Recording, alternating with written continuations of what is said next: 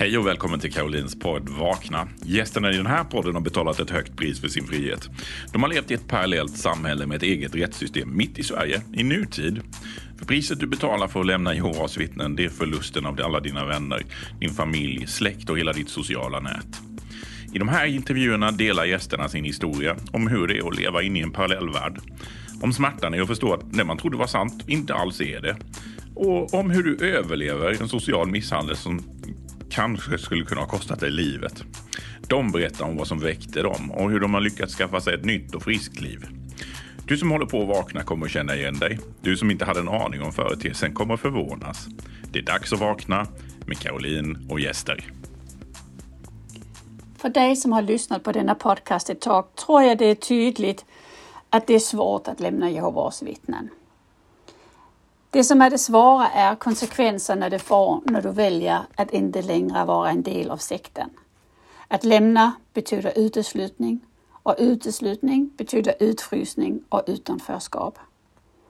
Därför är det viktigt att lyfta fram all den hjälp som finns att tillgå om du är avhoppare. Det ska vi prata om idag. Med Johan Hultgren som gäst kommer vi inte bara att följa hans resa ut ur Jehovas vittnen, men också hans resa in i Hjälpkällans styrelse. För er som inte vet vad Hjälpkällan är, då är det en frivilligorganisation som förmedlar stöd till avhoppare och anhöriga.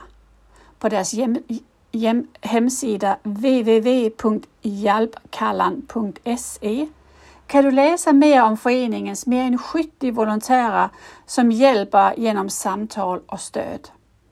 Föreningen ökar också medvetenheten om avhoppares problematik på samhällsnivå. Min gäst idag, Johan, är en varm fyrabarnspappa som med ett lugnt sätt berättar om sin livsresa och upplevelser. Hans vaknade tog några år, men med sina kloka val har han lyckats inte bara bevara kontakten med sin mamma, men också att rädda hans äldste son till ett liv i frihet. Välkommen till ett nytt avsnitt av Vakna med Caroline och gäster.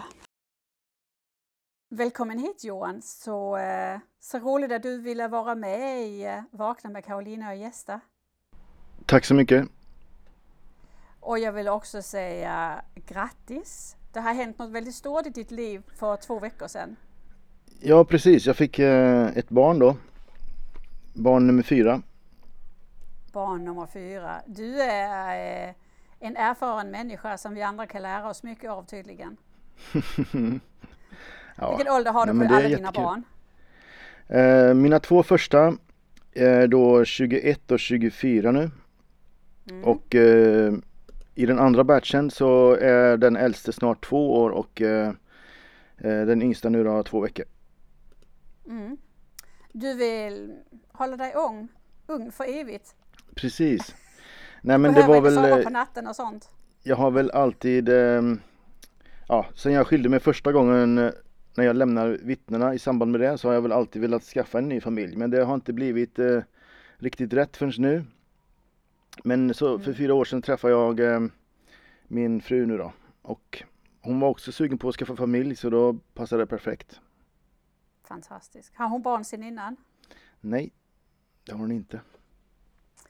Oj, oj, oj. Vad underbart eh, att man sådär får börja om igen. Eller mm. fortsätta livet igen. Eh, men Johan, idag ska vi ju prata lite om såklart din bakgrund som Jehovas vittne, hur ditt liv är idag, men också om eh, din roll i Hjälpkällan som ju mm. är ett forum som jag har fått mycket hjälp av och som jag vet också hjälper många andra. Det är en viktig, eh, det är ett viktigt forum för folk som lämnar Jehovas vittnen att komma på fötterna igen. Mm. Så, men om vi börjar med din eh, bakgrund som, inom Jehovas vittnen, hur, hur ser det ut? Ja, eh, min mamma blev eh, vittne i samband med 1975. Mm. Då blev hon approachad av en fönsterputsare om jag har förstått det rätt. Som var hemma hos henne och eh, pratade om de fruktansvärda tiderna som var då. Det kan man och han tänka sig, en fönsterputsare. ja, just det. Och eh, ja, hon köpte det där då. och började studera med honom. Och det är faktiskt det, det första minnet som jag kan sätta, sätta datum på. Det var när hon döpte sig. Då, detta var då den 20 mars 1977. Så då var jag inte ens tre år. Men jag kommer ihåg det där när hon döpte sig. Det var i Mm. ett gammalt badhus i Huskvarna. Du kommer ihåg det. Vem är din pappa? Blev han också Jehovas vittne? Nej, han, eh, de var ju gifta innan då såklart och ehm, han var aldrig intresserad av religion så, så att han, eh, han var vanlig hela tiden. Så jag växte Okej. upp i ett eh, delat hem kan man säga. Ja. ja. Och det, Okej. det betyder ju i sin tur att man var väl aldrig riktigt, eftersom jag var själv med min mamma på möten alltid så, så blev vi aldrig någon sån här podiefamilj eller vad man ska kalla det för. Det fanns ju de här fina familjerna med äldstebroder och fru äldste och sen så kanske två, tre barn. Och de, det var aldrig viktigt hur, hur man uppfattades och så vidare. Och de höll ihop och det kanske var stora vittnessläkter och sånt där. Så vi, det var ju inte vi utan vi, eh, vi var alltid lite grann på kanten kände, tyckte vi då. Kände vi Mm. oss. Men, hur, Men nu, vad nu i efterhand så, så tänker jag väl att eh, nu kanske det har varit bra att jag inte har en jättestor JV-släkt. Och eh, att min pappa var vanlig så att jag fick liksom umgås både med världsliga, av hans världsliga kompisar och vittne, min mammas Mm. vittnekompisar. mm. Det har nog varit bra Ja. för mig, tror jag, nu. Med facit i Ja. hand. Du har fått lite mer balans i ditt inflytande. Hur, Mm. Vad tyckte din pappa om att du gick på möten med din mamma? Ja, jag tror att han, eh, han tyckte nog egentligen det var bra för att det var ju bra, han trodde nog att det var bra umgänge. Det var Mm. trevliga ungdomar och Mm. ja, väl, välans, välartade människor. Ja. Han funderade nog inte så mycket på um, baksidan av det. Vad tyckte du om att vara Jehovas vittnen som barn? Ehm, ja, det, jag tyckte att det var väldigt bra då för då, man kände sig lite utvald. Mm. Alla andra vanliga skulle ju snart dö då eftersom att uh, Harmageddon skulle komma när som helst. Ja, just det. Och då, um, då tyckte man ju att det, man var lite utvald. Men um, samtidigt så blev man ju lite udda i skolan och sådär. Jag minns ju att det var ju man blev ju lite retad för att man inte åt blodpudding i skolan och så. Mm. Men du kände du ville inte det för att jag menar din pappa han han hade ju inte de reglerna på dig. Nej, Eller Det var liksom din mammas regler som gällde. jo, men samtidigt så kunde jag ju få um, julklappar till exempel av uh, min storebror, som inte, min halvbror då, som inte var med och uh, min pappa till exempel. Så att jag, jag hade ju, jag fick ju russinen ur kakan på Mm. båda sidorna kan man säga. Ja. Hur gammal var du när du döpte dig? Jag var 15 år. Ja. Jag tror det var 1989 då. Det var samma år i Göteborg som den här eh, ungdomsboken kom ut. Mm. Om jag minns rätt. Varför, döp, varför döpte du dig? Ja men eh, när man var i de, vid den tiden så var det ju naturligt. Det var väl, det ansågs väl vara fint. Man var duktig, duktigt giv eller Jehovas vittne då om man som ungdom döpte sig vid den åldern. Det var ju andra andra ungdomar i min eh, bekantskapskrets som kanske döpte sig senare och då tyckte man att de, de var lite svaga i sanningen. Mm. Så 15 års, det var väl något eh, out, outtalad regel där att det var bra att döpa sig när man var 15. Eh, och Du jag minns aldrig också, något, eh, du hade aldrig någon sådär sug efter andra sidan? Alltså eh, vad de andra klasskompisarna hittade på eller andra tonåringar hittade på? Jo men när man, är, när man är ett ungt vittne så blir man väl ganska bra på dubbelliv. Mm. Jag, eh, jag hade ju en stor eh, fritidssysselsättning när jag eh, var tonåring och det var att åka skateboard. Så Mm. jag åkte mycket skateboard med mina världsliga kompisar och sen eh, åkte jag hem och gick ut i tjänsten med mina vittnekompisar eller gick på möten.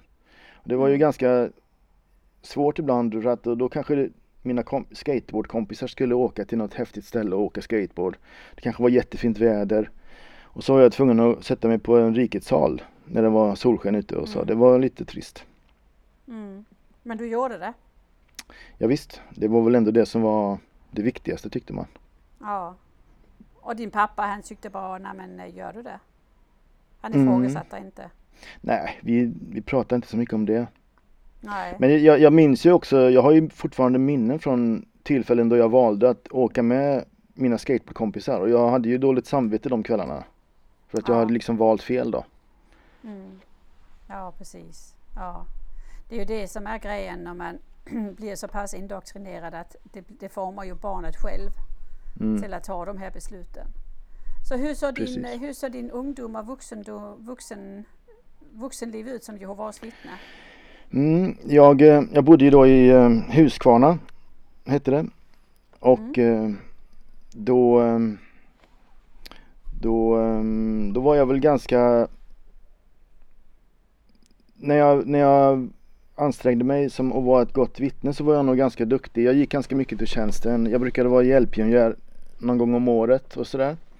Men eh, jag blev aldrig biträdande tjänare utan för jag gick eh, det var en gång som en äldste kom fram till mig och ville jag skulle bli biträdande. Han tyckte att jag kvalificerade till det men eh, jag gick ju då bara nio timmar i månaden i tjänsten i snitt på ett år och det var ju Mm. man var tvungen att gå tio timmar minns jag då. Och då tyckte han att jag skulle försöka anstränga mig lite så jag kunde bli biträdande tjänare. Men då i, i samband med den där eh, Jag tror det var i samband med att jag flyttade sen 2001 Då hade jag ju då gift mig och fått barn och sådär så det, det var väl i samma veva tror jag. jag. Jag hade hand om boklagret minns jag i, i den församlingen då. Det var en, en äldste som hade huvudansvaret men det var jag som gjorde allt jobb där med beställa böcker och stå i boklagret och jag tyckte det var, det var kul. Det var lite som att ha en butik. Ja, precis, precis. Ja. Och så, eh, så blev det aldrig du blev biträdande. Nej precis, det, det var väl i den, då flyttade jag i den vevan till en ny Mm. församling. Så det blev och sen fick man ju börja på nytt i nästa församling så då, eh, då blev det aldrig av. Då blev man, det, det blev väl istället Det blev väl istället eh, så att jag eh, började tvivla sen i, i samband med det och så. När, när började du att, att vakna till liv? Jag tror att det var Det är lite som ett Truman Show, har du sett den filmen? Ja, den är jättebra. Han, han lever ju i det här eh, perfekta världen och sen plötsligt så, så ramlar det ner en spotlight från himlen. Han förstår inte, var kom den ifrån? Så där var det lite för mig tror jag. Min första spotlight som ramlade ner från himlen det var nog runt 93, 94 någonstans. Där det var en, eh, en ny lära som jag tyckte var helt konstig. Det var nämligen så här att innan dess så, så lärde de att eh, de hade massa olika årtal från början. Ett av de här årtalen var 1914 Ja. som eh, mycket, mycket av deras eh, dåvarande kronologi, kronologi utgick från. Och då var det så här att eh, då, då sa man att från det datumet så skulle de som levde 1914 de skulle aldrig hinna dö innan Harmageddon kom. Nej. Och sen och då tänkte man ju när man var barn där på 80-talet och och sådär så tänkte man att ja det måste komma snart nu för att nu är det ju jättelänge sedan 1914. Mm. Och sen plötsligt då när eh, ja 94 eller när, eller när det var då ändrade man det och sa att nu, nu är det inte en generation längre utan nu är det jag tror man sa att det var två generationer eller jag kommer inte ihåg man ändrade i alla fall Överlappande generation, ja. Ja. Och det har man ändrat igen sen tror jag senare. Så jag, Ja. jag kommer inte ihåg om, om det var då man sa att det var överlappande generationer eller om man sa något annat då. Ja. Men det där var i alla fall en ganska stor grej tyckte jag som jag inte köpte rakt av utan jag, jag ifrågasatte det där. Och jag minns att jag pratade med äldstebröder om det där. Men de tyckte att eh, nej, det skulle man inte ifrågasätta. Det kom ju från den styrande kretsen och det var korrekt allting. Men eh, det där var väl min första mitt stora frågetecken. Men sen, sen träffade jag ju då min fru i samma veva och eh, jag gifte mig och fick barn och sådär. Så då, då tänkte man inte, då, då sköt man de där tvivlen åt sidan Mm. eh, för stunden. Men sen när jag flyttade då 2001 då eh, i samma veva där så då hade jag ju småbarn. Jag hade flyttat och också i samma veva så var det på tv om eh, Uppdrag granskning. De hade ett reportage i tv om eh, pedofili bland Jehovas vittnen. ja. Den Och kommer där, ju alla ihåg. Ja, Ja. och det där var ju ganska avgörande och det, det tyckte jag ju att eh, även om jag inte hade sett något själv pedofilväg i de som jag kände till men jag förstod ändå att det var att det stämde, det, det mycket av det de sa. För att vi hade, vi hade en, eh, en, en, en äldstebroder i en av mina församlingar som jag hade tillhört som hade jobbat åt min pappa. Och han hade förskingrat pengar åt min, åt min världsliga pappa. Och det var ju, min, min pappa var ju såklart jättearg på det där. Han, polis, han ville polisanmäla men eh, då så, då så övertygade de andra äldste honom att inte göra det för det skulle ju bli dåligt rykte för församlingen och sådär. Så det blev aldrig någon polisanmälan. Och det där, det hade jag ju i mitt minne då när jag hörde de här Uppdrag granskning, att det, det var ju precis så de gjorde även i, i pedofilfall då. Mm. Så att jag Inte förstod att det var så. Nej. Ja. Ehm, men och så det där var väl också en spik i min kista och sen ehm, Ja det var ju flera grejer som hände i den där perioden. Jag, jag minns att jag köpte en bok som ehm, Jag tror den, den handlar om sekter och den var skriven av en präst som hette Karl-Erik Nylund tror jag. Mm. Och då läste jag lite om olika sekter i den boken. Och då, jag läste ju också, Jehovas vittnen var också med där, men de, de hade fattat en hel del grejer fel. Det var, det var faktafel då. De sa till exempel att eh, alla medlemmar kallas för pionjärer och det är ju fel. Ja, ja, då, då, tyck, då tyckte man ju att det där stämmer inte. De har ju fattat många grejer fel och man, man tog inte det på allvar riktigt. Men så läste jag ett annat kapitel handlar om Livets Ord. Mm. Och där fanns det bland annat en, en lista då om eh, vad, vad var det som gjorde att en, en rörelse räknades som en sekt. Och eh, det där, de där listan, jag tror det var åtta punkter. Det stämde ju perfekt in också med Jehovas vittnen.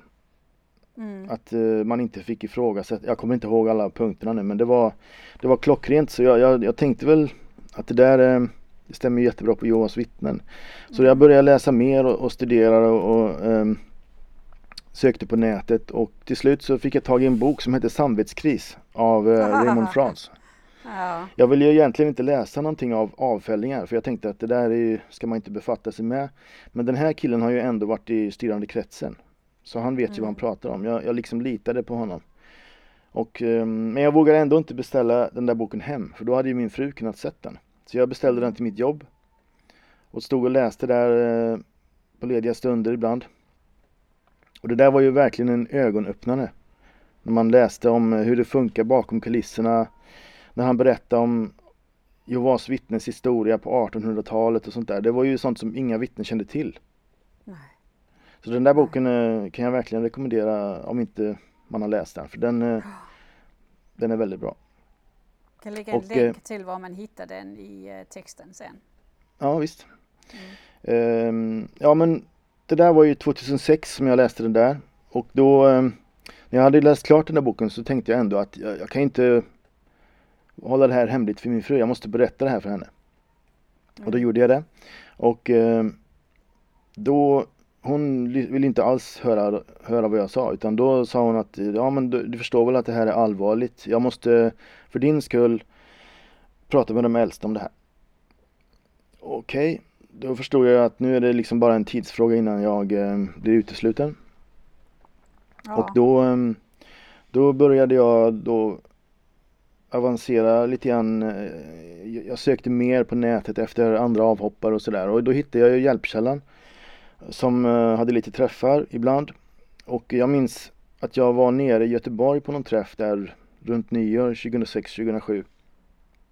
Och då, då var jag väldigt rädd där för jag tänkte att tänk om Jehovas vittnen har, eh, har folk här som kan se vilka som går på det här mötet. Jag tänkte att det, det är inte bra, för jag, då var jag ju fortfarande med. Mm, Och då tänkte jag att då, då kan de ju avslöja mig om jag eh, går på det här mötet då och blir utesluten. Men eh, det var ju såklart inga, inga koll där. Nej. Däremot så träffade man ju väldigt mycket de här avfällingarna eller avhopparna som jag träffade där, det var ju väldigt trevliga människor och jag, jag kände direkt att jag eh, knöt an till dem. Jag, jag hade mycket att diskutera med dem och det var jättegivande möte. Det var, gjorde verkligen stor skillnad. Och det var ju då, jag minns att eh, Håkan Järvo var där och berättade om eh, scientologerna Ja. och det fanns ju också mycket likheter mellan, eh, mellan scientologerna och Jehovas vittnen. Och eh, Roger Karlsson, ja, det var han som hade startat föreningen Hjälpkällan så att vi pratade mycket. Och, eh, men sen på vårkanten där så, så, så hade det ju gått något halvår då. då. Då ville de äldste träffa mig och prata med mig. Och eh, först var det då en äldste som ville prata. Han hade ju hört från min fru då att jag hade läst fel böcker. Och han tyckte jag skulle mm, Han hoppades att det inte hade skadat mig och sådär. Nej, det, det, tyckte jag väl inte att det hade skadat mig men jag mm, Jag förklarade för honom att jag hade Att jag hade mm, Lärt mig en del grejer då och så vidare. Jag sa väl jag, Vi var inte sådär eh, Om jag minns rätt nu så var vi inte sådär Inne på detalj vad jag hade läst och så utan det var mer allmänt men sen gick det några, någon månad och då under den tiden hade jag ju skrivit ganska mycket på, på Hjälpkällans forum som fanns då. Mm. Och eh, då blev jag kallad till ett nytt möte. Då var det två äldste bröder som satt och hade möte med mig och då hade de ju printat ut massa av mina inlägg där. Jag hade kallat mig Vilka inlägg var det? Ja, det var på Hjälpkällans gamla forum. De, de, de hade ett de kunde se det? Ja, det kunde alla se. Aha. Och då kallade jag mig eh, Freedom Fighter, hade, var mitt nickname tror jag. Så jag, hade, jag kallade inte mig med mitt eget namn. Men eh, jag vet inte hur de hade fått reda på det här, för det, de hade förstått på något sätt att det var jag då. Så de hade printat ut det här och eh, hade det som bevis mot mig då. Och mm. eh, ja, jag, jag, kunde ju inte neka till det utan jag sa att det, det, det är jag som har skrivit de där grejerna. Och jag, jag tycker väl att ehm, jag, jag, jag stod väl fast vid att jag eh, Jag hade hela mitt liv stått upp för det som jag trodde var sant och det fortsatte jag egentligen bara med fast det, jag insåg ju att jag ansåg ju då att inte Det var inte Jehovas vittnen som var sanningen utan det var De hade ju, de lärde ut falska saker så att eh, Även fast man heter sanningen så är, eh, är det inte säkert att man är sann och sådär. Um, oj oj oj. Och då, det kan man ju ehm, undra hur det gick det mötet, hur utgången blev ja, det mötet. Då, det tog det ju några veckor till eh, och då kallades jag till ett eh, kommittéförhör som det heter då. Då är det tre mm. bröder, tre äldste bröder som eh, då har de en, en dömande kommitté när de är tre. Då kan de utesluta en sen. Och jag, tror, jag tror det här andra mötet som jag just talar om, det, jag tror det var två timmar ungefär. Och det här tredje mötet det var nog tre, tre och en halv timme eller något sånt där. Men eh, till slut så frågade de då om jag trodde att Jehovas vittnen var Guds organisation. Och det, det sa jag då, nej det tror jag inte längre. Och det var ju det, var ju det jag blev utesluten för sen då. Mm. Att jag hade förkastat Guds organisation. Och det är väl det är väl typ det värsta man kan göra. Jag tror inte det finns några grövre synder hos Jehovas vittnen. Nej. Wow. Så, var, ehm, hur, hur var din och din frus relation i allt det här och barn och så vidare? Hur, mm. hur påverkade det? För det är ju det som är just skillnaden på en sekt och en religion. För i vanliga religioner, ja men då kan en vara protestant och en kan vara katolik eller vad det är. Mm. Men just när man är i en sekt eller en kult, då, då påverkar det jättemycket. Absolut. Jo, för att då när jag hade blivit utesluten så ehm, då, då ville ju hon inte umgås med någon av mina vänner och eh, jag kunde inte umgås med någon av hennes vänner för hon umgicks bara med vittnen. Så mm. att vi, eh, det, det, blev ju en väldigt stor klyfta mellan oss då. Mm. Och just då var jag ju ganska, då var man ganska Just då läste jag på mycket om, om Jehovas vittnen och sekter och, och jag engagerade mig mycket i, i Hjälpkällan då vid den här tiden och skrev på det här forumet mycket och så här. Så att hon eh, och hon, hon, blev ju åt andra hållet då, hon blev mer hardcore. Hon skulle studera med barnen varje kväll och sånt där. Mm. Så det, det, blev ju en väldig klyfta mellan oss och um, till slut efter något halvår till så blev det ju då att vi flyttade isär då tyvärr. Ja. Mm. Det funkade inte tyvärr. Nej. Det är väl ganska vanligt. Det, det är som väldigt stor skillnad på Det blir sådana spänningar. Så det är inte många som mm. klarar att att lämna Jehovas vittnen och ändå fortsätter sin, sin relation tyvärr. Det är det som är så bedrövligt att kärleken eh, inte klarar, att kärleken i en, en given relation klarar inte att man delar på sig rent trosmässigt. Nej. Att, eh, hur gick det med barnen? Har, eh, nu är de ju vuxna. Jo, då, I början där så bodde, så bodde de varannan vecka hos mig och varannan vecka hos mamma. För det var väl eh, så jag tänkte att eh, om de bor hos mig hälften av tiden så, så, så, så, kan de själva välja liksom. Då kan de se, då kan de vara, slippa gå på möten varje dag liksom, eller varje vecka. Mm. Då, då, kan de lättare ja, se skillnaden. Precis som jag hade gjort när jag var liten så hade jag ju ja. le levt med min världsliga pappa och min vittnemamma. Mm. Det var så jag tänkte. Men, och sen, men sen efter ett par år där så, så blev det som så att jag började studera i Göteborg, i en annan stad och då funkar inte den, det arrangemanget längre. Så då efter det så bodde de hos mamma alla veckor och hos mig varannan helg. Då. Okay.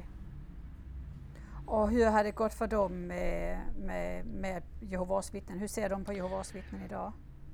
Den, min st stora, mitt äldsta barn, en, en dotter, hon, är ju, hon gick ju med i vittnena sen. Så hon är ju döpt och uh, gift och, och hela sortimentet. Men uh, min son då, han blev ju aldrig vittne så att jag lyckades rädda i alla fall hälften av dem kan man säga.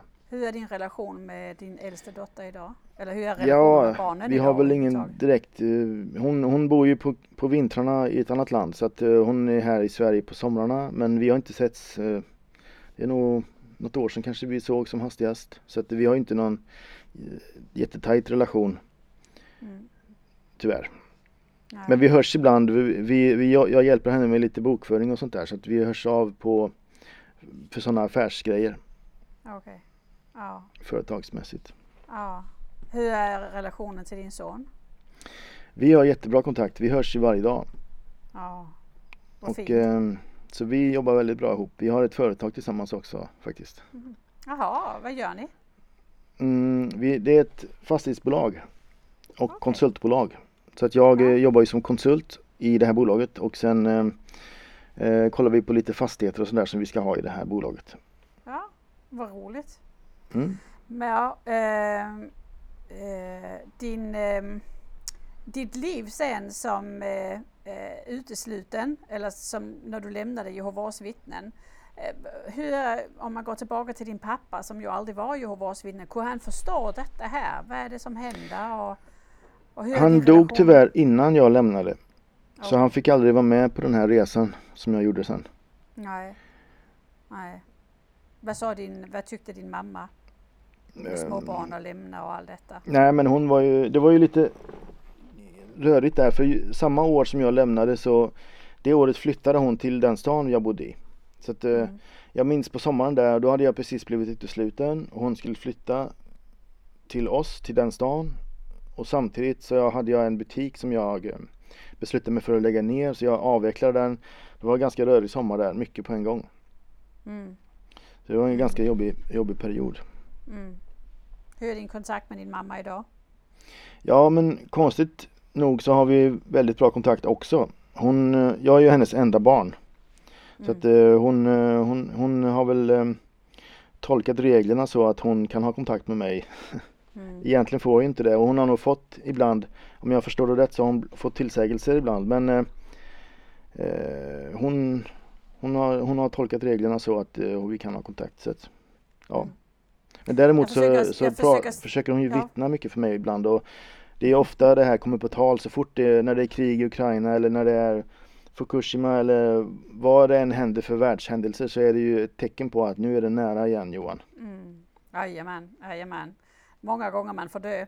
Men mm. eh, jag, jag försöker lyfta den här frågan varje gång jag har ett samtal för det är många som är så rädda för att Nej, men jag kommer aldrig ha kontakt med, med mina föräldrar om jag lämnar. Och så är inte fallet, för det är ett vitt spektrum.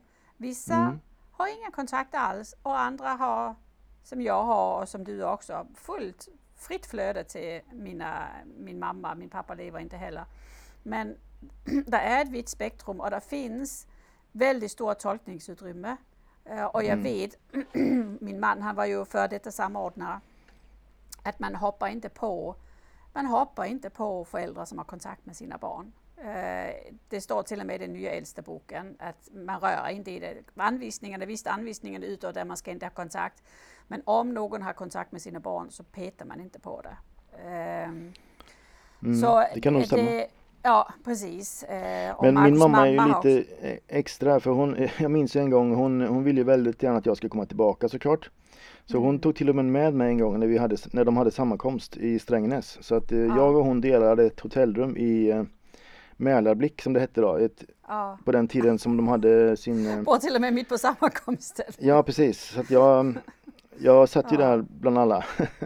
och jag tyckte, ja, för min, från min ståndpunkt så var det mest av nyfikenhet. Jag ville liksom, detta var några år efter jag hade lämnat och jag ville liksom se Ja hur är det nu då? Efter några år här, hur känns det att gå på sammankomst igen och sådär. Och eh, Men hon, hon trodde ju att hon skulle försöka få med mig igen där. Men det, hon, jag tror hon fick lite bakläxa efteråt sen för det var ju, det, detta var inte under våran egen sammankomst utan det var en annan krets eller hur det, vad det heter som hade då. Men ändå så var det ju folk som kände igen oss och, och berättade om det här till vår församling eller hennes församling då.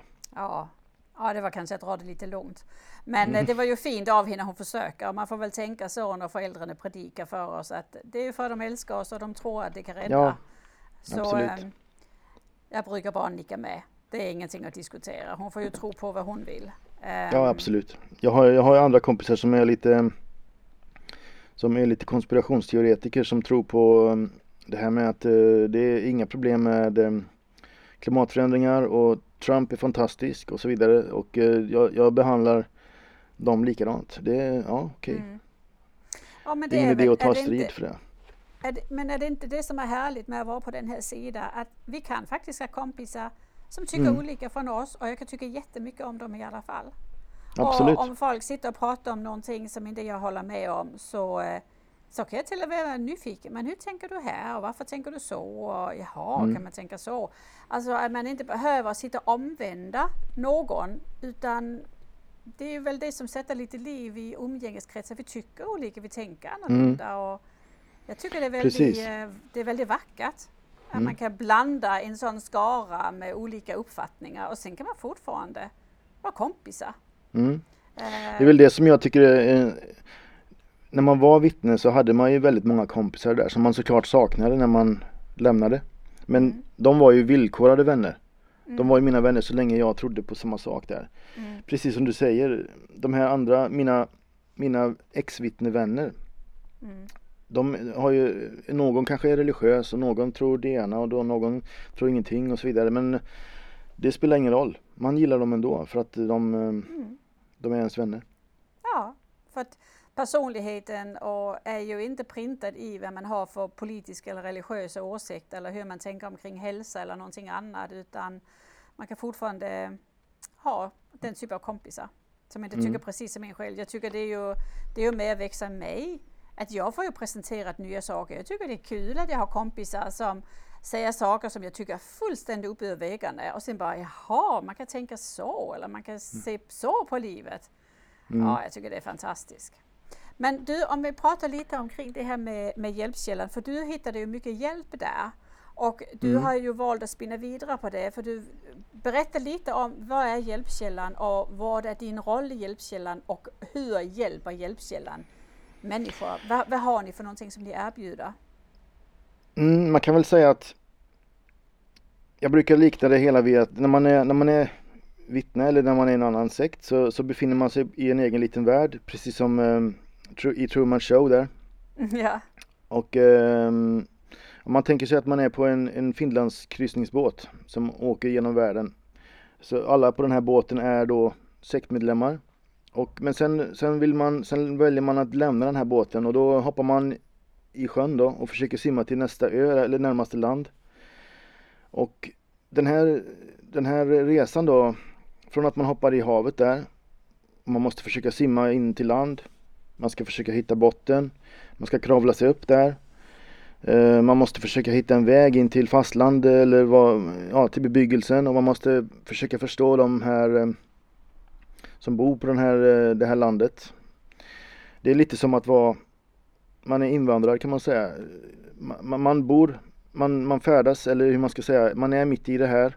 Precis som en Finlandsbåt är mitt bland öarna men man är ändå inte i land.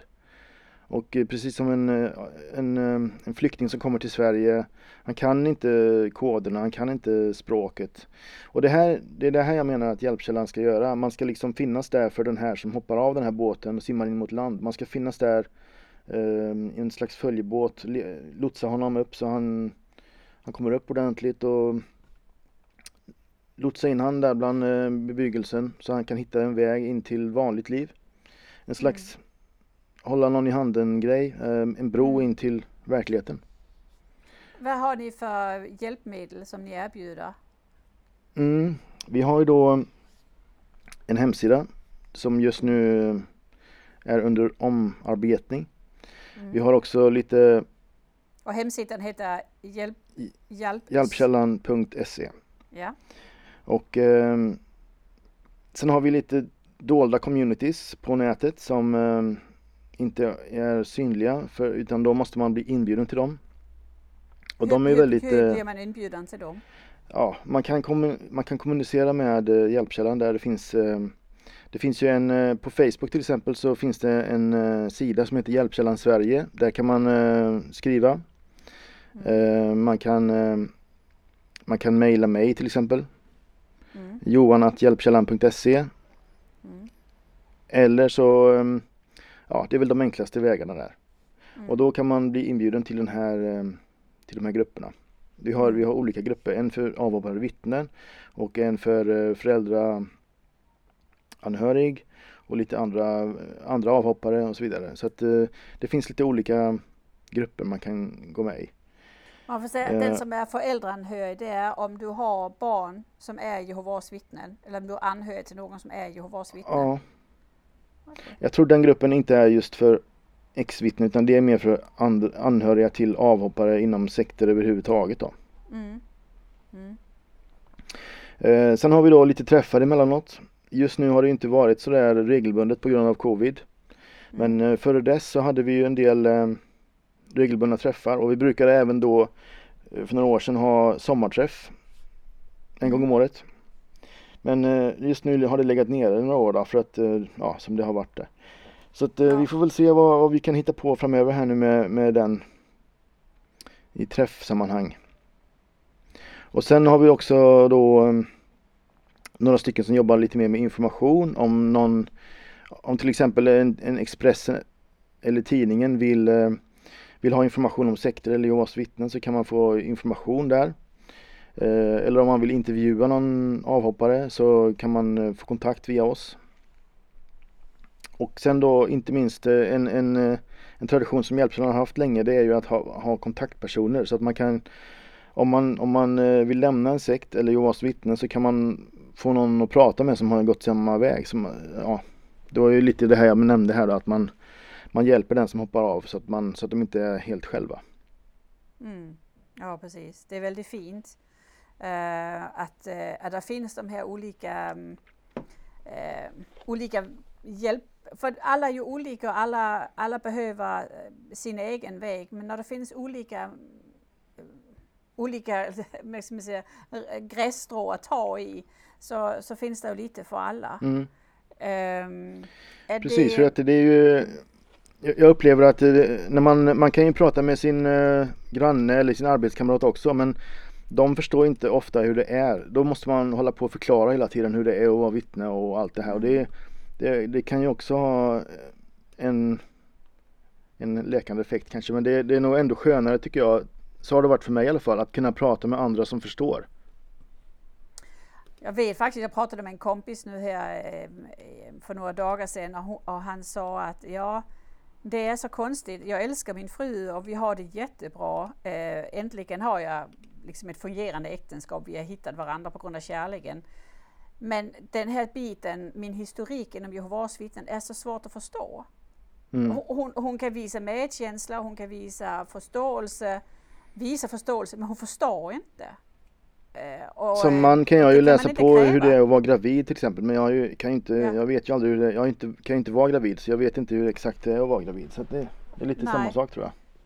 Ja, det är ju så med situationer och där, där, där upplever jag att det här community ehm, Ja, det, det gör att man, eh, man har någon som man bara kan prata med som säger ja, jag förstår precis och jag vet Mm. det kommer att lösa sig. Även om det verkar fullständigt svart precis när man lämnar. Om man tänker hur ska det någonsin, hur ska jag någonsin komma på benen igen? Då är det så skönt att någon annan säger jo, du kommer på benen, det kommer att lösa Mm. sig. Absolut. Ehm, har du några speciella boktips som du tycker om när man sitter där på insidan och man, man börjar vakna till liv? Det är ju ganska många. Va- vad har du för tips till dem som, eh, Ja men först tänker jag så här att det är nog, det är nog smart att läsa på. Jag tänker att det, det finns de som, som blir uteslutna för någonting de gör fel. Till exempel att de har, de har sex med någon eller de har rök, rökt cigarett till exempel. Det finns ju många saker som man kan bli utesluten för hos Jehovas vittnen. Och då, om man blir det, då tror man att man själv har gjort något fel och då mår man dåligt och då vill man tillbaka. Men om man då har, om man har, läst på lite grann och förstår att det här är inte sanningen då mår man bättre tror jag. Då kan man liksom läka och gå vidare. Så det är väl, eh, det är väl mitt första tips att eh, läsa på lite grann. Och sen eh, nästa del är väl att man kan flytta. Jag var ju dömd som bodde kvar. Jag bodde i en ganska liten stad med mycket folk som var vittnen. Och där bodde jag i flera år efter jag lämnade. Det var ganska jobbigt och så fort man gick på ICA så träffade man en eller flera ex eller vittnen då som, som, som Mm. kollade snett på en. Så det är nog ganska smart att flytta och börja på nytt någon annanstans. Mm. Och sen eh, att bonda lite grann, att, att träffa andra avhoppare då som man kan ja, få lite stöd från. Mm. Plus att man, eh, när, när man som vittne så, så uppmuntras man ju aldrig att studera när man är vittne. Så det är väl nästa grej jag tror är bra att man kan eh, studera någonting eh, som man eh, är intresserad av. Och få ett yrke kanske eller För må, många som är vittnen de har ju uppmuntrats att inte studera. Då har de, de kanske Mm. blivit snickare eller de kanske har blivit fönsterputsare som är väldigt vanligt. Eller jobbar på ICA eller något sånt där.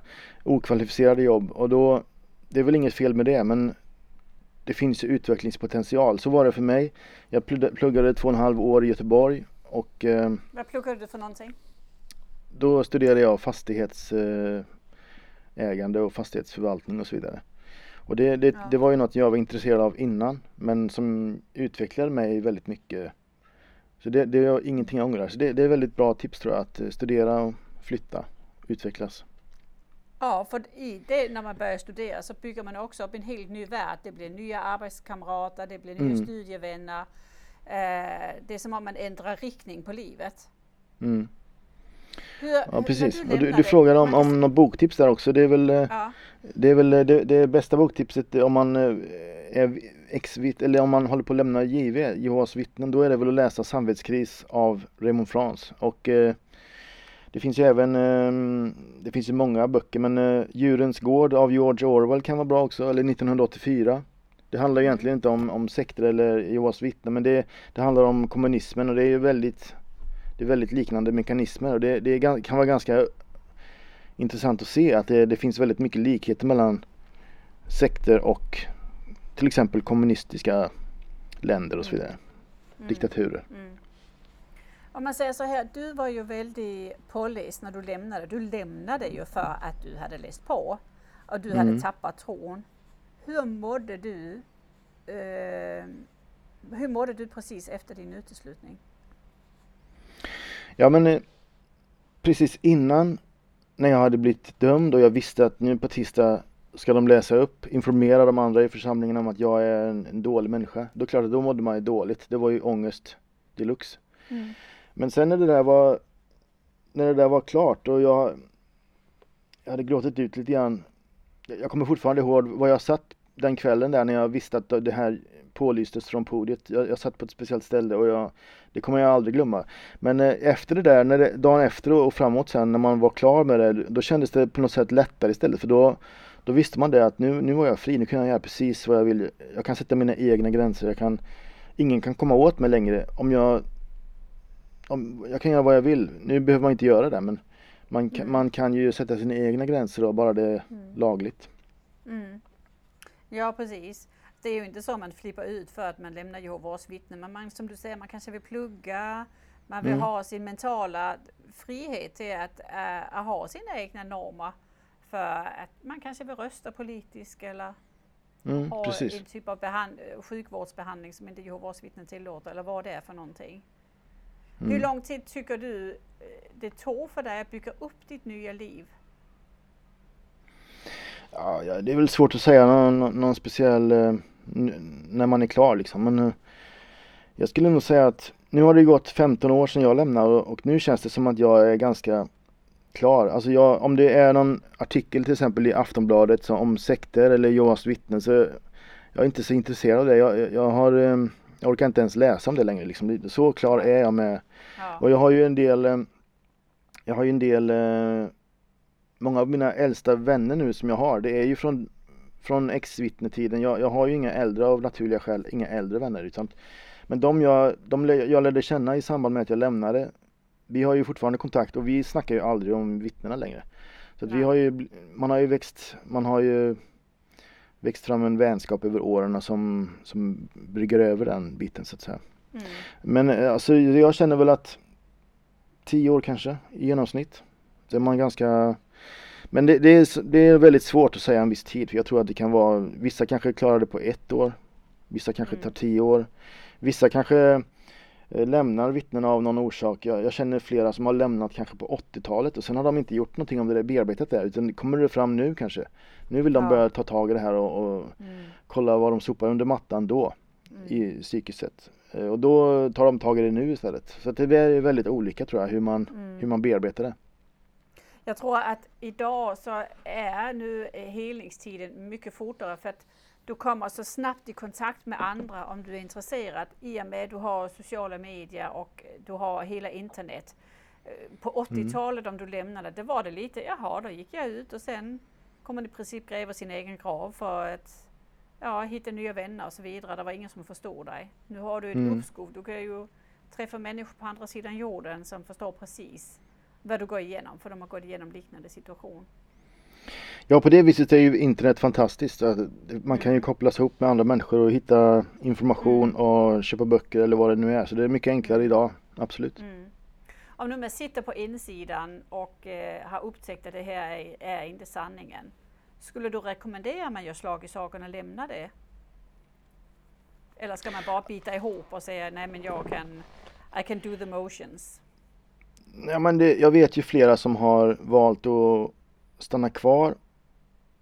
Men jag tror inte man blir, om man vet om att det är fel så, så har jag svårt att se att man på, kanske under en tid kanske man kan ligga och chilla där och, och se, kanske ladda lite för att lämna. Men jag tror att man mår bättre av att vara sann och att man eh, att man lämnar, för man, man, eh, man blir inte fri, man har ändå den här, alltså när man lämnar sen så är det ju ett, det är som ett psykologiskt pris man betalar. Man, man, eh, man betalar ett högt pris för att stå för det som man tror är rätt. Då. Och det där får du betala det priset oavsett om du betalar det direkt eller om efter två år. Mm. Det finns ju de Mm. som, som lyckas med att fejda som det kallas. Man liksom trappar av lite långsamt och går mindre och mindre på mötena och, och sådär. Och det, det kan ju vara en modell som man kan lyckas med. Mm. Mm. Men eh, ja, jag, jag tror på att, att man ska vara sann mot sig själv och ja, jag tror man mår bättre av det. Ja, vad tror du det gör vid en om man inte är sann mot sig själv? Ja, då, då mår man sämre. Man, man, då, man tvingas ju leva kvar i det här dubbellivslivet. Mm. Och det kostar på. Då måste man, måste man betala av hela tiden eh, och sen ändå få betala fullt sen när man lämnar Ja. i framtiden sen. Ja. ja, precis. Det är, ju, det är ju egentligen bara när man är redo att lämna så är det kanske det mest hälsosamma att lyssna på ens moraliska sinne och säga jag, jag kan inte vara med längre. Och när den gränsen kommer så, så är det nog förnuftigt att, att, eh, att ta tag i det och göra det. Mm. Det som man upptäcker också det är ju att när man gör det så är det också andra man upptäcker följa efter. Det har jag sett i mitt eget tillfälle att andra har liksom tittat på mig av min familj och släkt och sett oj, ja hon har ju lämnat och hon kommer inte tillbaka och varför gör hon inte det? Man kan vara en förebild för andra och man kan visa att ja, men det- det går att, att hitta lyckan. Man kan faktiskt bli väldigt lycklig och fri Mm. i, eh, i världen. Det finns snälla människor och det finns många möjligheter som du ser med utbildning och man kan få ett eh, väldigt bra livsvärde. Det där var väl en förut, förutfattad mening man hade som vittne att de som lämnar, de går åt helvete för. De blir knarkare eller Ja. ja. det går dåligt för dem. Och det där är- det har, jag, det har jag ju sett väldigt många som det har gått bra för. Eh, Jag har också sett dem, jag har också sett dem som eh, lever upp till det här som de tror ska hända, att de kommer knarka ner sig eller Mm. eller sådär. Men jag, jag tror att de, de flesta jag har träffat som avhoppare, de mår bättre och bättre och de mår sämre som är kvar och jag, jag kan faktiskt säga, säga en sak till och det är att jag vet nog tre, jag tror det var tre eller fyra stycken som jag kände som vittnen som tog livet av sig. En av dem som uteslöt mig tog livet av sig till exempel. Oj. Men jag, jag vet ingen, jag känner ju fler världsliga. Ingen av dem, jag känner ingen världslig som har tagit livet av sig. Så jag tror, eh, nu nu är det en ganska begränsad undersökning som jag eh, har gjort privat här då, men, men jag tror att det är ändå ganska vanligt att man mår dåligt som vittne. Om man då till exempel har kommit fram till att det här är inte sant, men man orkar inte ta, man orkar inte betala det här priset. Då kanske det är enklare, tycker en del, att ta sitt liv. Men det är inte värt det. Alltså jag, jag, jag, det är inte så, det är klart att det gör ont när man lämnar. Men det är så mycket värt att klara sig över det här hindret. Ja. Det är lite som ett eget privat Harmageddon. När man går igenom en svår period men sen när man kommer ut på andra sidan då är det som att man lever i en ny ordning. Så att, eh, Och man blir så stark och man blir så fantastiskt övertygad om att jag klarar, jag tycker ju när man har klarat det här, man klarar vad som helst. mm, Alltså klarar man detta, då är man ju en supermänniska. Så alla Precis. som klarar det och, och, och bygger upp sitt nya liv, kanske 30, 40, 50 års åldern. Det är ju klapp på axeln. Mm. Det är jättebra gjort, jättebra gjort. Ehm, Man, man lär känna sig själv på ett annat sätt. Man visste inte att man har de här egenskaperna kanske eller att man Nej. orkar detta eller man klarat detta. Nej. Så det är väldigt, Om man tittar in i rikesåldern så är det ju en dominerande faktor av eh, psykisk ohälsa. Definitivt. Mm. Eh, Det är klart att det finns psykisk ohälsa i vanliga samhället också men det är så koncentrerat. Och det är, det är, det är utmattning, det är ångest, det är depression, det är elallergi, det är you name it. Det är hela spektrat av eh, social fobi och, och, eh, och så vidare. Så det är en enorm påfrestning att vara kvar. Absolut. Speciellt om du sen inte tror på det heller och så ändå Mm. vara kvar i det. Då lägger du på ett extra lager av eh, dåligt mående. absolut. Jag, jag har eh, jag kommer ihåg det att det var ju, det var ju en hel del särskilt damer tror jag som i mina församlingar i alla fall man såg att de hade ätit mycket eh, mediciner och grejer för de var lite så här runda om kinderna Mm. eh, och de mådde väl inte så bra Nej. eh, men eh, vad var det jag skulle säga nu eh, ja Men jag, och samtidigt så står de och säger på podiet till exempel att nu vi är de lyckliga, vi är det lyckliga folket. Mm. Kanske de kunde säga. Och det där är ju en sån där lögn som man insåg. När, man, när man visste om det här att det fanns massa Mm. folk som inte mådde bra. Då var det, det var en av mina spotlights som föll ner från himlen. Att de står och ljuger liksom från, från Mm. podiet. Då. Det, det är så förnedrande att, att sitta och höra det om du är djupt olycklig själv. Vi är det lyckliga Mm. folket och du bara tänker Mm. vad är det för fel på mig? Du tror ju det är något fel på dig. Nu är inte Mm. du är lycklig. För det sägs ju på podiet att vi är det lyckligaste folket. Ja men då måste jag gå Precis. lite mer i tjänsten. Eller jag måste tro lite mer, be lite mer, studera Mm. lite mer. Jag får prata med bröderna om det. Jag kanske inte följer anvisningar tillräckligt bra. Ehm, Precis, det var ju alltid om man mådde dåligt eller om man inte var glad så var det alltid på grund av att man inte hade gjort tillräckligt. Ja. Det var Precis. alltid en, ens eget problem. Anser du att myndigheterna har ett ansvar att agera mot Jehovas vittnen? Ja, jag vet inte vad Nu är det ju religionsfrihet så att alla får ju göra, tro vad de vill då. Eh, Så jag vet inte vad, eh, vad staten, eh, om de skulle förbjuda religion då. Det är väl inte heller troligt. Och det är väl inte lämpligt heller. Men jag tycker nog, dä- däremot tycker jag inte att de skulle stötta sekter. Som till exempel i Sverige så får ju Jehovas vittnen statsbidrag. Mm. Och det tycker jag det, det gillar jag inte. Jag tycker inte att staten ska stödja sådana här organisationer som, som får folk att må dåligt. Nej. Det finns ju Nej. liksom ingen som har någon glädje av att vara Jehovas vittnen utom möjligtvis de här som sitter i styrande kretsen då. Men alla andra tror ju på lögner. De lägger massa tid och pengar på att åka runt och predika för folk som, som inte ger någonting. Så de, alltså det är ju, alla förlorar ju på att vara med där i stort sett. Ja. Men, men tycker du inte de bryter lagen, Jehovas vittnen? Jag menar, men vi, vi har ju ändå, vi har ju, eh, ett, vi lever i ett land där man har rätt att rösta. Men om, om du växer upp i den här organisationen, då blir det ju lagt på dig, du får inte rösta. Mm. Um, Då får du skuldkänslor. Ja, det är ju liksom, du blir ju utkickad om de upptäcker att du använder din demokratiska rätt att rösta. Så då får du inte vara kvar. Eller Nej, om du tar en precis. medicinsk behandling som blodtransfusion, då får du inte vara kvar heller. Eh, Förr i tiden så sa de ju att vi ska inte vara en del av världen och då var ju det här med att man inte skulle rösta, det var en del av den grejen. Men då, då sa de också att vi ska inte, vi är inte en del av världen, vi tar till exempel inte emot bidrag. Ja men nu, nu går det plötsligt bra att ta emot bidrag från, från staten då. Ja, Eh, och då. Men man får ändå inte, man ska inte vara en del av världen så man kan rösta till exempel. men när man säger i Sverige så är ju barnkonventionen lag. Den bryter de Mm. ju. Ja, Kunde, skulle inte myndigheterna kunna gripa in där då och säga men ni bryter mot lagen? jo, det, det skulle man kanske kunna komma åt dem på något sätt. Jag tänker på det här med när jag, jag döpte mig när jag var 15 Mm. och nu för tiden tror jag de har så vitt jag förstår det så, så är det, det har gått ner i åld- åldrarna nu. Nu kanske man döper folk som är 12 år och 11 år och sådär. Mm. Och de, om en 11-årig döper sig och committar hela sitt liv på att vara Jehovas vittne och sen när han är 15 kanske eller hon och då blir han utesluten om hon gör några dumheter. Och då Mm. får hon ju betala ett oerhört pris för det. Mm. För det som ändå, ändå är en människa som inte är myndig ska straffas på det sättet. De kanske inte får bo kvar hemma eller ja, det kan ju vara vad som helst. Det har, jag, jag vet sådana exempel. Mm. Så att eh, jag tycker absolut att det skulle finnas något förbud mot att döpa sig innan man är myndig till exempel.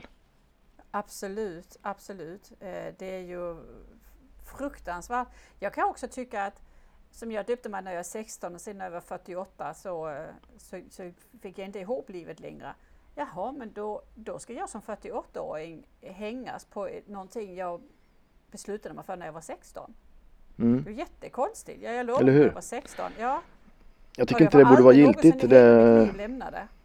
nej, Utan att begå socialt självmord. Det är ju väldigt, Mm. väldigt märkligt. Ja. Ehm, Att det här kontraktet inte går att säga upp. precis. Ehm, Ja. Men om, om man tänker så här Johan, idag. ehm, du var ju väldigt påläst när du lämnade. Hur, Mm. hur har du det idag? Hur mår du idag?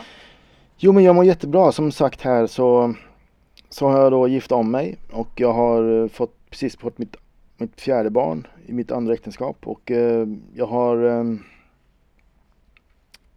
jag jobbar som konsult, har två företag, har intressant eh, tjänst just nu som biträdande fastighetschef för en kommun här i Stockholm. Så det, det känns verkligen som att man det går bra liksom. Och Mm. jag har intressant jobb och ny familj och det det är lite grann som i den här berättelsen i, i, i Bibeln där om, vad hette han nu, Jobb eller?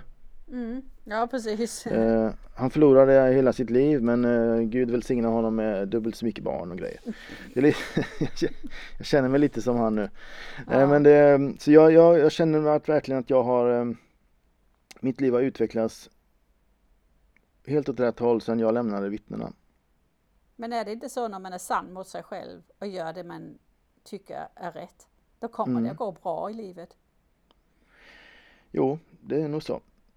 Mm. Sen är det klart att man ibland åker man på någon backlash men eh, man måste ändå sträva framåt hela tiden liksom och utveckla sig och, och sådär. Mm. Mm. Men det är väl det också som är berikande i livet, att man växer och lär sig nytt hela tiden. Man möter människor som Ja. kommer med nya åsikter och nya insikter och man, oj, ja just det, så här kan man också tänka. Det är ju så härligt att upptäcka. Mm. Absolut. Ja. Men sen en annan grej jag tänkte på också när man, när man är vittne, som min mamma till exempel, hon är ju 80 plus. Hon är ju fortfarande lever i villfarelsen att hon aldrig ska dö. Mm. Ehm, och som vanlig människa nu då så har man ju, nu kan man liksom acceptera det. Jag är snart 50 och du är också kanske snart 50. Men eh, så då, då kan man Det liksom var väldigt vackert sagt, jag har passerat den, men tack så mycket. Eh, ja men då i ditt och mitt fall nu så har vi kanske 30 år kvar då. Då kan man liksom redan nu eh, acceptera det. Ja, om, om 30 år så då kanske det är tack för kaffet. Men då Mm. kan man liksom då, har man, då, då kan man ställa in sig själv på det. Eh, det måste vara väldigt vä- det måste vara värre om man är 80 plus och kanske plötsligt inse att nej jag kommer dö om, då, om ett år här nu. Jag, det här kommer inget Tamageddon. Jag, blir, jag har blivit lurad. Jag kommer ja. hela det jag byggt mitt liv på är fake. Mm. Så det, ja. det, det, tror jag man behöver ha hela sitt liv på sig acceptera att man ska dö liksom. Mm. Ja, och sen kan man ju också tänka att, att alla de som har valt att inte få barn för att mm. de väntade på Hamageddon, att aldrig göra en pensionsuppsparing för att Hamageddon kommer. Då knackar ju åldern också på dörren.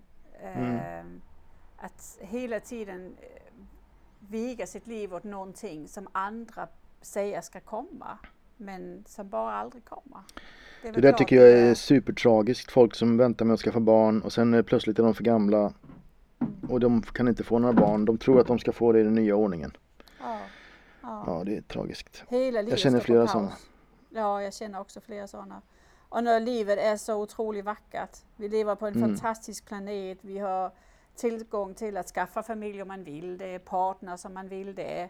Eh, det finns ju så mycket man kan upptäcka som jag tycker faktiskt att eh, om nu man tror på en skapare att, eh, det, det förtjänar väl livet att vi tar för oss och använder mm. livet fullt ut.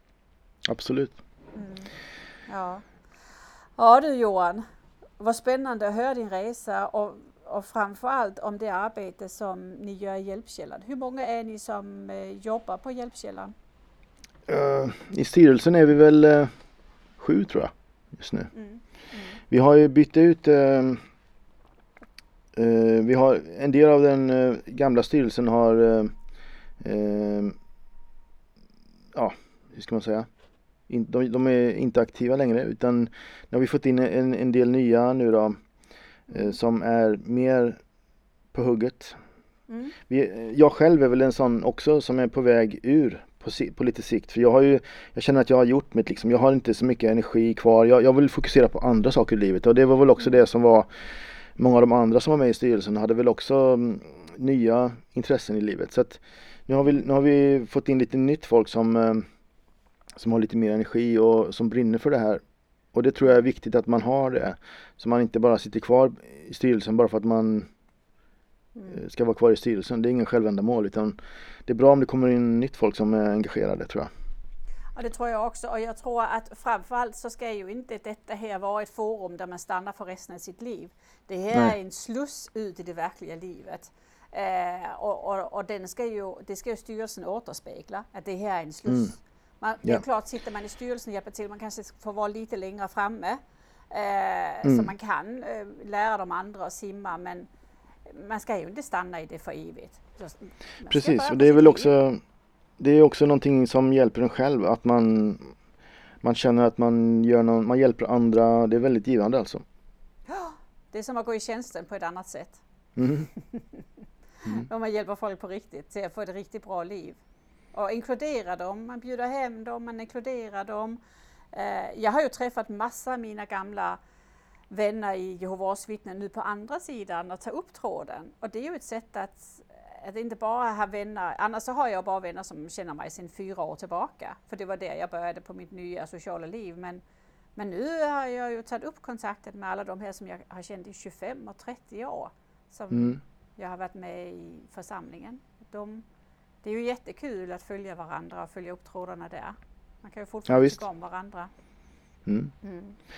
Men det, det är som du sa, du var inne på lite förut där att um, den första som hoppar av i en familj, han kanske är lite själv, lite ensam. Mm. I, resten av hans familj är kvar i, uh, i vakttornet. Mm. Men uh, sen nä, när nästa familjemedlem kanske då beslutar sig för att också lämna, då är det lättare för den. Så det är ju, ju fler som är som har lämnat, desto lättare är det ju för de som är kvar då att mm. lämna också.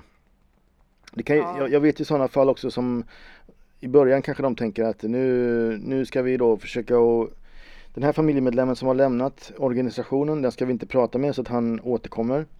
Men det kanske blir fel, det kanske blir tvärsom istället. Att han, han börjar på nytt liv, han, han får barn och grejer och den här den här mamman eller pappan kanske som är kvar i organisationen det är ju den som blir ensam istället sen för att han får inte ja. vara med om den här eh, sitt barns utveckling och, och nya familj kanske och så vidare. Nej, precis.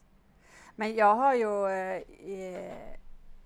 vi, Marcus och jag, vi har räknat ihop 13 stycken av vår familj som antingen har slutat, hoppat av eller valt att inte döpa sig på grund av vårt avhopp.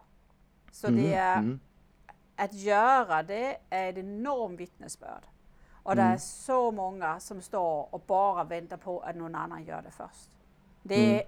Jehovas vittne är ju ett luftslott som håller på att tappa hela konturen. För dels så är det ju att hela coronatiden när folk har suttit hemma på Zoom har gjort att man har tappat väldigt mycket fokus. Eh, det blir att man lägger barnen, man kanske har det på lite i bakgrunden, man äter samtidigt. Det blir inte det här propagandainmatning med hjärntvätt på samma sätt. Och mm. sen eh, tjänsten har försvunnit, eh, du skiljer inte ut dig på samma sätt längre. Så nu om man sitter och är sugen på att lämna, vilket ju många har vaknat här under coronatiden, man kanske har tid att sitta och läsa annat under mötestiden och så vidare. Mm. Eh, man kan ju hoppas och, det där, den processen eh, Eftersom det där är en lång resa, det, det kan, i, som i mitt fall så tog det några år innan från att jag var fullt aktivt vittne tills att jag lämnade så tog det kanske fem år. Mm. Så att, eh, om det är så som du säger nu som jag tror kan ligga mycket i då kanske det tar några år. Så mm. kanske det blir ganska många som, som lämnar inom, inom en viss tid där. Mm. Om de har Det är väl lite gam, som gammal is. Den blir mm. porös med tiden och till slut så spricker den upp där då. Ja, du har ju säkert många som ringer som är fortfarande kvar i församlingen och det har jag ju också, många som kontaktar mig. Och det mm. är, de är liksom färd, färdigmogna, de ska bara göra det och när tiden är rätt så kommer de att göra det. Och för mm. varje som lämnar så tror jag att man kan räkna en handfull till som följer med efter. För man, de ser oss och de tittar på oss. Mm. Och många är ju inne och tittar på vår Facebook-profiler och LinkedIn har jag, ser jag ofta de inne och tittar på min profil, gamla före detta Jehovas vittnen. Mm. Så de är ju nyfikna. Vad, vad gör hon? Vad, vad hittar hon på? Och så vidare. Mm. Så eh, vill man så kan man ju gärna ha en öppen Facebook-profil så folk fritt kan gå in och titta och se hur, hur det går för en. Hur bra det går. Mm. Ja, kan man skicka lite budskap där. Mm. ja, men det är väl det, det, det pratade de ju själva om att eh, man ska lämna ett gott vittnesbörd och det är väl det är väl lite grann samma sak där för oss då.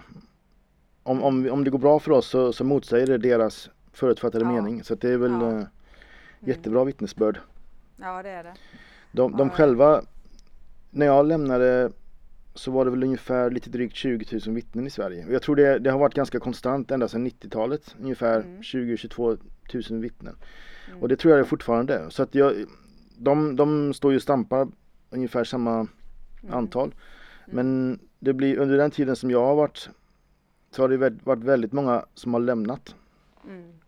Det är jättemånga som lämnar. Lika många som, som går in i vittnena går ut på andra sidan. Ja, ja. Så att, bakdörren är öppen som man säger.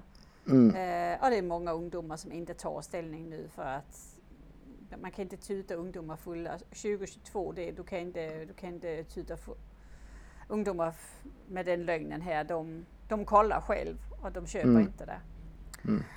Ja, har du något mer sista som du känner att Åh, det här skulle jag vilja säga eller det här skulle jag vilja bidra med till lyssnarna? Nej men det är väl eh, ja, det, det, är väl bra om de um, går in på Facebook och, och kollar på Hjälpkällan Sveriges uh, sida och så kan de kommunicera med oss där och så mm. kan vi släppa in dem i vårt lilla community kanske. Och eh, efterhand som de känner att de har lust så kanske de kan komma på någon på någon av våra träffar. Bor man ute i landet så kan det ju vara smart kanske att eh, eh, passa på om det är någon träff i Stockholm. Då kan man, om man vill smyga lite och träffa andra avhoppare innan man eh, så kan det vara smart att kombinera med en helg i Stockholm kanske till exempel och gå på en sån här träff. Mm. Precis, precis. Det kan man ju definitivt göra. Mm. Ja, eh, jättebra råd. Eh, jag kommer skicka med i texten eh, de här länkarna du pratar om, boktipsen som du pratar om, din e-mailadress också. Så mm. allting mm. kommer att finnas i, uh, i texten till. I så yes, fall okay. uh, i så fall Johan så vill jag säga tusen tack för ditt tilltagande och eh, tusen tack för det arbete du har gjort i Hjälpkällan och du, eh, det är väldigt fint att du, du ger fackeln vidare till nya eh, nya med ny energi så det hela tiden är en glöd i, i det här forum för det är viktigt att göra mycket bra. Tack så mycket. Jag tror också du gör en stor, um, det här med att ha en podcast tror jag är väldigt bra. Att uh, folk mm. kan sitta och lyssna i, i smyg om de är vittnen mm. till exempel. Det är jätteperfekt mm. och, och lyssna på olika avhoppares uh, stories. Det tror jag är perfekt. Jag hade själv den idén för några år sedan men det blev aldrig av sen så att, uh, jag är glad att du, att du gjorde det. Ja precis och det, nu gör jag det ett tag och sen kanske någon annan tar över fackeln, ja. vem vet. Det, det, man ska göra det som man känner för i hjärtat. Jag, min motivation, jag var ju en väldigt hardcore Jehovas vittnen och eh, för mig så är det lite att ge tillbaka. För att jag har uteslutit många ur mitt liv och mm. Det är väldigt tungt att bära. Nu när jag förstår själv den livskris man går igenom som eh, när man blir utesluten. Ofta är det i samband med en skilsmässa eller någonting annat. Och eh, att få möjligheten att ge tillbaka genom att ge ett forum där man kan få dela sin berättelse eh, mm. är ett sätt att eh, be om förlåtelse och, eh, och säga här, här får du prata, här kan du bli hörd. Ja, absolut. Jag lyssnade aldrig innan men, men nu ska jag lyssna och det är så mm. fantastiskt. Mm. Ja.